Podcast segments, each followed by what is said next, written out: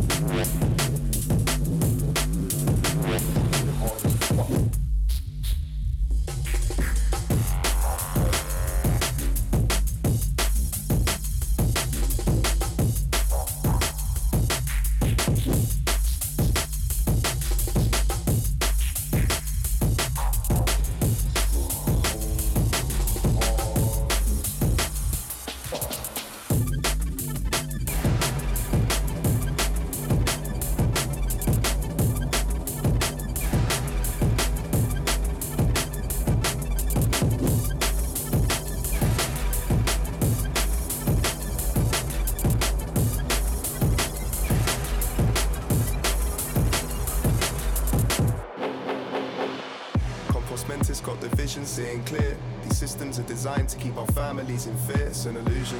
The end game of society is near. Attack your human inhibitions indirectly. Commandeer all of your urges. Our bias is routinely weaponized. Pitching neighbor versus neighbor, but nobody's asking why we are divided. And yet the pretext is a lie.